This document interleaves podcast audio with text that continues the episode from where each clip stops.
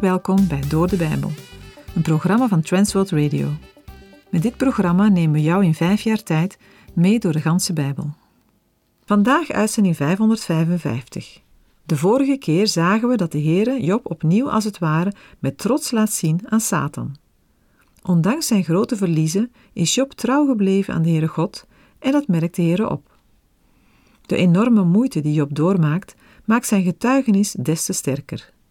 Hoewel Job het niet weet, is het de Satan die hem aanvalt. God laat het toe, maar stelt wel grenzen.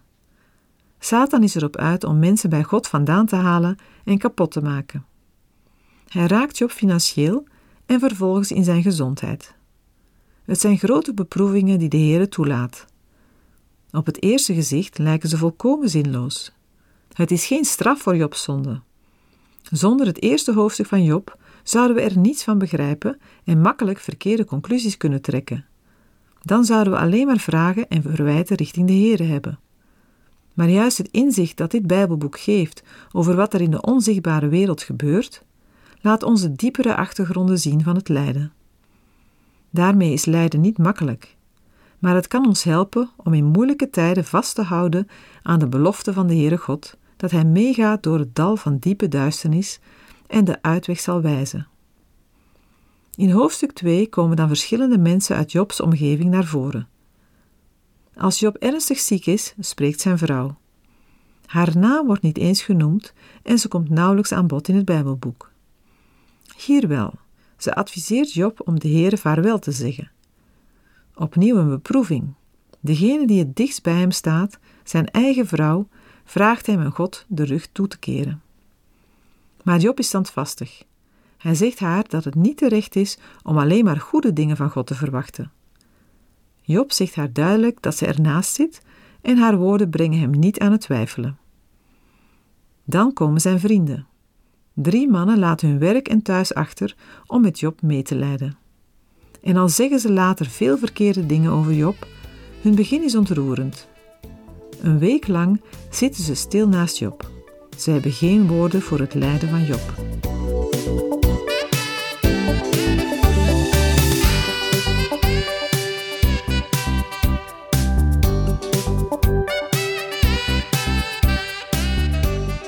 Vandaag gaan we verder met het derde hoofdstuk van het boek Job. Het hoofdstuk is in menig opzicht het ingewikkeldste gedeelte van het boek.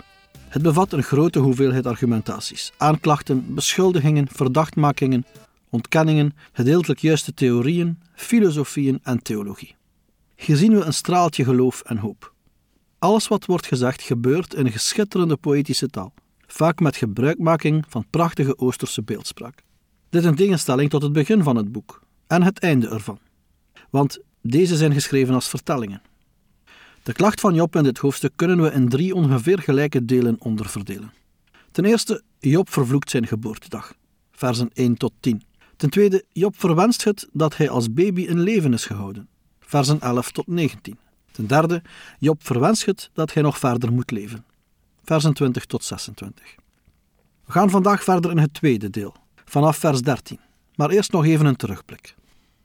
In de vorige uitzending hebben we gelezen dat de vrienden van Job, Elifas, Bildad en Zofar, op bezoek gaan om hem te troosten en te bemoedigen. Zeven dagen lang hebben Jobs vrienden bij hem gezeten en gezwegen. Na de periode van zeven dagen doorbreekt Job zelf de stilte. Dat doet hij met een toespraak. Het is een heel mooie toespraak, erg bloemrijk. Maar als je alles bij elkaar taalt en het zeeft, zegt hij eenvoudig: Ik wilde dat ik nooit geboren was. Hoeveel hebben zoiets niet gezegd? Ik denk dat velen van ons het al eens gezegd hebben, zeker toen we jong waren en iets ons teleurstelde. Dit is wat Job zegt. Alleen zegt hij het in poëtische taal. Job begint bij zijn geboorte en gaat daarna nog negen maanden terug in de tijd. Deze volgorde en tijd vinden we ook in de woorden van David in Psalm 51, vers 7. Daar staat: Zie, ik ben in ongerechtigheid geboren, en zonde heeft mijn moeder mij ontvangen.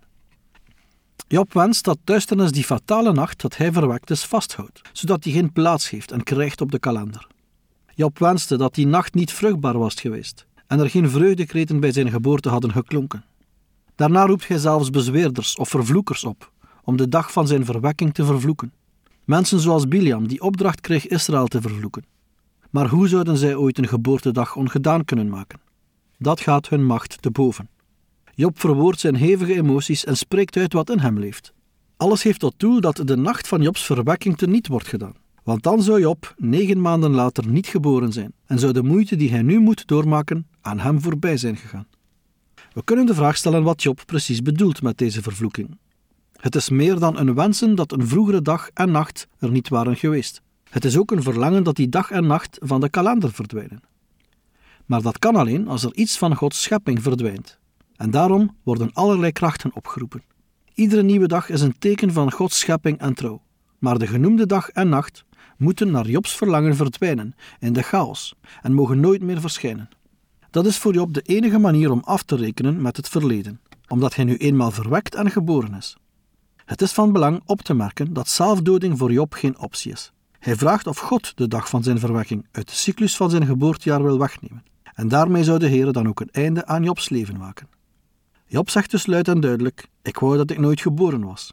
Maar zo'n houding heeft nooit enig probleem van dit leven opgelost. Het kan hoogstens iemand helpen om stoom af te blazen. Dat lijkt het nu voor Job te doen. Job 3, versen 13 tot en met 15. Want dan zou ik nu neerliggen en stil zijn. Ik zou slapen, dan zou ik rust hebben. Samen met de koningen en raadsheren van de aarde, die voor zichzelf puinhopen opbouwden. Of met de vorsten die goud hadden, die hun huizen met zilver vulden. Job beschrijft de dood als de grote gelijkmaker. Allen slapen op gelijke wijze.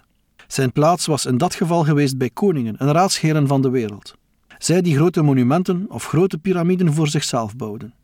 Job geeft aan dat hij ook had kunnen liggen bij vorsten die ooit goud bezaten en hun schatkamers vulden met zilver. Met deze voorbeelden laat Job zien dat in de dood en het dodenrijk aardse macht en belangrijkheid geen rol speelt. Want in de dood en het dodenrijk is volgens hem ieder mens gelijk. De arme is er gelijk aan de rijke. Job 3, vers 16. Of ik zou er, als een verborgen misgeboorte, niet zijn, als de kleine kinderen die het licht niet gezien hebben. Job zou bij een voortijdige dood niet geconfronteerd zijn met de minachting die hij nu ervaart. Daarom spreekt hij uit dat hij liefst als een miskraam nooit het levenslicht had gezien. Job zegt eigenlijk twee dingen die min of meer door elkaar lopen. Hij wenste dat hij nooit was geboren, maar nu hij toch is geboren, wenste hij dat hij bij zijn geboorte was gestorven. Job 3, versen 17 tot en met 19. Daar houden de goddelozen op met woelen, en zij van wie de kracht is uitgeput, rusten daaruit. Gevangenen hebben daar met elkaar rust. Zij horen de stem van de slavendrijver niet. De kleine en de grote zijn daar samen, en de slaaf is er vrij van zijn heer. Job gaat verder met het beschrijven van zijn interpretatie van het dodenrijk. Voor Job is het dodenrijk de bevrijding van alle ellende. Maar wat Job zegt van het dodenrijk klopt niet. De Heer Jezus laat zien hoe het er echt is en dat er in het dodenrijk wel degelijk onderscheid is tussen gelovigen en ongelovigen. In Lucas 16, versen 22 en 23 staat: Het gebeurde nu dat de bedelaar stierf en door de engelen in de schoot van Abraham gedragen werd. En ook de rijke man stierf en werd begraven. En toen hij in de hel zijn ogen opsloeg, waar hij in pijn verkeerde, zag hij Abraham van ver en Lazarus in zijn schoot. Job 3, versen 20 en 21. Waarom geeft God aan een ellendige het levenslicht? En het leven aan bitter bedroefden van ziel. Zij verlangen naar de dood, maar hij is er niet. Zij speuren ernaar, meer dan naar verborgen schatten. Job stelt hiermee indirect de vraag: wat voor zin of nut heeft het leven? Job 3, versen 22 tot en met 24. Zij zijn blij, tot jubelens toe. Zij zijn vrolijk als ze het graf vinden. Waarom geeft hij het levenslicht aan een man voor wie zijn eigen weg verborgen is? En voor wie God de weg verspert? Want in plaats van mijn brood komt mijn zuchten, en mijn jammerklachten worden uitgegoten als water. Sprekend over zichzelf stelt Job de vraag waarom de Heer het levenslicht geeft aan degene voor wie het leven toch uitzichtloos is. In zekere zin is iemands levensweg altijd voor hem of haar verborgen, want niemand kent de toekomst. Onder normale omstandigheden kan een mens daarentegen wel bepaalde verwachtingen hebben. Mensen weten waar zij in het heden staan en hebben ervaringen in het verleden op grond waarvan zij hoop voor de toekomst kunnen hebben. Deze verwachting is voor Job afwezig. Iedere verwachting op een goede toekomst ontbreekt, en de reden hiervoor is dat de Heer zelf zijn weg heeft versperd. Hierdoor ziet Job geen uitkomst meer. Bovendien kan hij Gods weg met zijn leven niet begrijpen. Job 3, versen 25 en 26. Want wat mij angst aanjoeg, is tot mij gekomen. Dat waarvoor ik beducht was, is mij overkomen. Ik ben niet gerust en ik ben niet stil. Ik heb geen rust, er is onrust gekomen. Met andere woorden, wat ik altijd heb gevreesd is nu gebeurd. Ik vind geen vrede en geen stilte, rust ken ik niet, alleen ellende. Deze versen geven aan dat Job nog in de tijd van zijn voorspoed rekening hield met rampen en ziekte. Die zag hij namelijk om zich heen en hij zal ook beseft hebben dat zijn voorspoed een bijzonder geschenk van de Heere was. Mogelijk dat hij mede daarom offers bracht, zodat Gods toorn niet werd opgeroepen. Aan het einde van zijn toespraak volgen vier korte zinnen waarin Job zijn toestand beschrijft. Hij vindt geen vrede, geen stilte, hij komt niet tot rust en er komt alleen ellende. Hij geeft hiermee aan dat er geen tussenpozen zijn in zijn lijden. In Job 3 krijgen we inzicht in de innerlijke pijn van Job, die het gevolg is van het leed dat God heeft toegelaten. Er is sprake van diepe hopeloosheid, die een wens om te sterven tot gevolg heeft. Het is mogelijk dit psychologisch te verklaren, maar het is vanuit de vorige hoofdstukken denkbaar dat het tevens een satanische verleiding is, dat Job de dood en het graf als aantrekkelijk gaat zien. De Satan, ook al wordt hij hier niet genoemd, beïnvloedt niet alleen Jobs vrouw, maar ook hemzelf en, zoals we nog zullen zien, zijn vrienden. De eerste hoofdstukken gaven al aan dat de Satan het aardse leven beïnvloedt. De houding van Job tegenover zijn geboortedag en de dood is geen uiting van geloof en vertrouwen in de Schepper, maar juist het tegenovergestelde. Toch vervloekt Job de Heere niet, en hij overschrijdt geen kritieke grens. Maar hij komt er wel gevaarlijk dichtbij door zijn geboortedag te vervloeken, en daarmee zijn maker aansprakelijk te stellen. Voor we verder gaan, wil ik een paar versen uit Psalm 73 bespreken. Asaf, de schrijver ervan, beschrijft veel gelijkaardige gevoelens. Maar Asaf besefte zijn kortzichtigheid, namelijk dat hij te veel lette op de tijdelijke omstandigheden. In Psalm 73, versen 12 tot en met 17 zegt Asaf: Zie, deze zijn goddeloos. Toch hebben zij in de wereld rust en vermeerderen hun vermogen. Ja, voor niets heb ik mijn hart gezuiverd en mijn handen in onschuld gewassen. Want de hele dag word ik gekweld en mijn bestraffing is er elke morgen. Als ik zou zeggen, ik zal ook zo spreken, zie, ik zou ontrouw zijn aan al uw kinderen. Toch heb ik nagedacht om dit te kunnen begrijpen, maar het was moeite in mijn ogen, totdat ik Gods heiligdom binnenging en op hun einde lette. Toen Asaf ging ontdekken hoe het met de ongelovigen afliep, zegt hij in Psalm 73, versen 27 en 28: Want zie, wie zich ver van u houden, zullen omkomen. U verdergt allen die als een hoererij u verlaten. Maar wat mij betreft, het is voor mij goed dicht bij God te zijn. Ik neem mijn toevlucht tot de Heer, om al uw werken te vertellen. Asaf moet net als Job toegeven, toen mijn hart verbitterd was en ik in mijn nieren geprikkeld werd, hoe onverstandig was ik toen. Ik wist niets. Ik was een redeloos dier bij u. Maar als gij achter de dingen staat, kan hij getuigen, niettemin zal ik voortdurend bij u zijn. U hebt mijn rechterhand gegrepen. U zult mij leiden door uw raad. Daarna zult u mij in heerlijkheid opnemen. De aanvechting van Job is dat de Heere zich tegen hem keert. Misschien kan je Job wel begrijpen. Hij had geleefd in vrede en welvaart in het land Us. En het was hem bijzonder goed gegaan. Hij leefde te midden van weelde en luxe. Iedereen zei: Kijk eens naar Job, hij heeft toch een fantastisch leven. Maar Job zegt in Job 3, versen 25 en 26: Wat ik altijd heb gevreesd is nu gebeurd. Ik vind geen vrede en geen stilte. Rust ken ik niet, alleen ellende.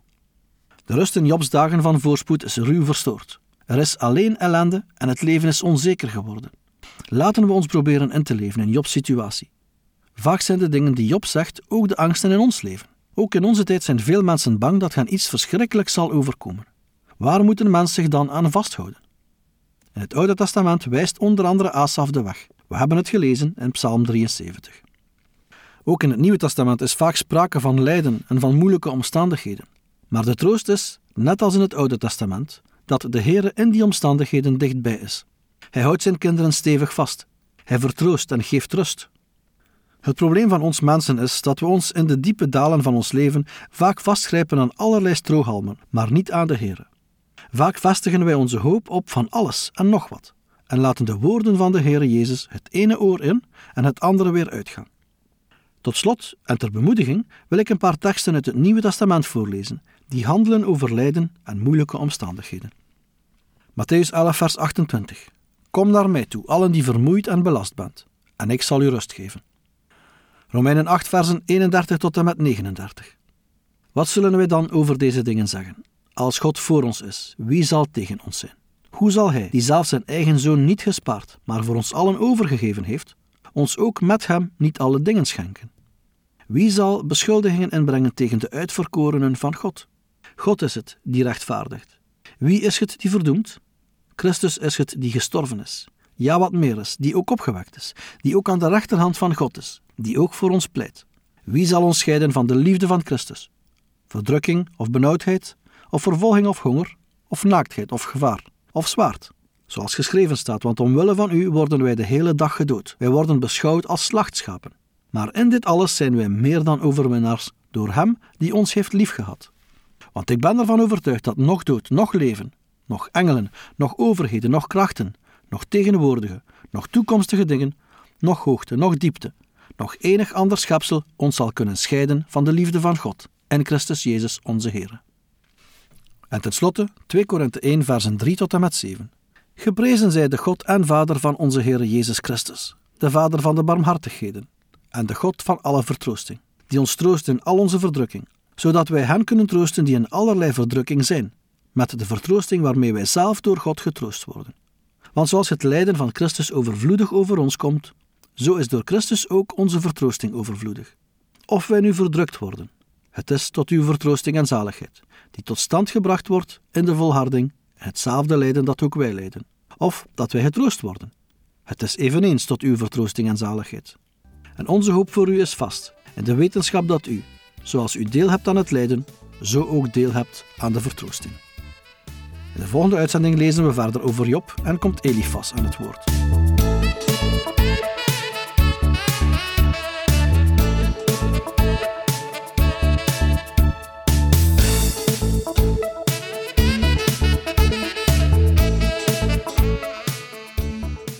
U heeft geluisterd naar Door de Bijbel, een programma waarin we in vijf jaar tijd de ganse Bijbel bespreken. De basis voor het programma is de Bijbelstudiereeks van Dr. Vernon McGee, Through the Bible. Deze werd in het Vlaams vertaald en bewerkt door Transworld Radio. U kan elke werkdag naar een nieuwe uitzending luisteren en u kan ook steeds voorbije uitzendingen opnieuw beluisteren of downloaden. Als u wilt reageren op deze uitzending of u heeft vragen, dan kunt u uiteraard contact met ons opnemen. U kan een e-mail sturen naar doordebijbel.twr.be. Verder kan u op onze site terecht, www.twr.be, voor meer info en het beluisteren van onze overige programma's. Dit programma werd gepresenteerd door Patrick Couchement en Anne Notenboom. Wij danken u voor het luisteren en graag tot een volgende keer.